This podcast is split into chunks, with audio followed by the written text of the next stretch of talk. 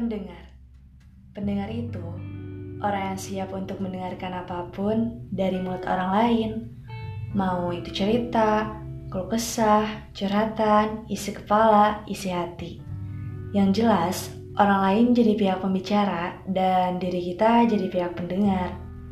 Sebenarnya sangat mudah untuk menjadi pendengar Karena tugasnya hanya siap mendengarkan.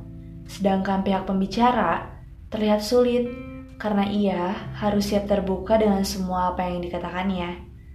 Tapi ternyata sebaliknya ya, justru jadi pihak pendengar harus siap segalanya. Karena yang jadi pihak pendengar pun belum tentu ya selalu stay jadi pihak pendengar.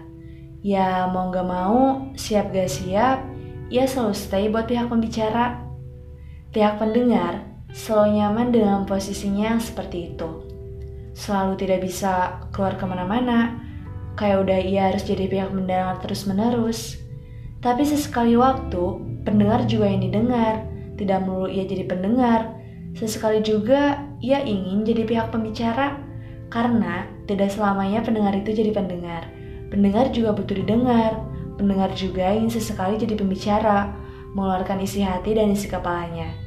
Jadi, intinya, sama-sama saya mengerti aja, pendengar sesekali jadi pembicara, dan pembicara sesekali jadi pendengar. Adil tidak?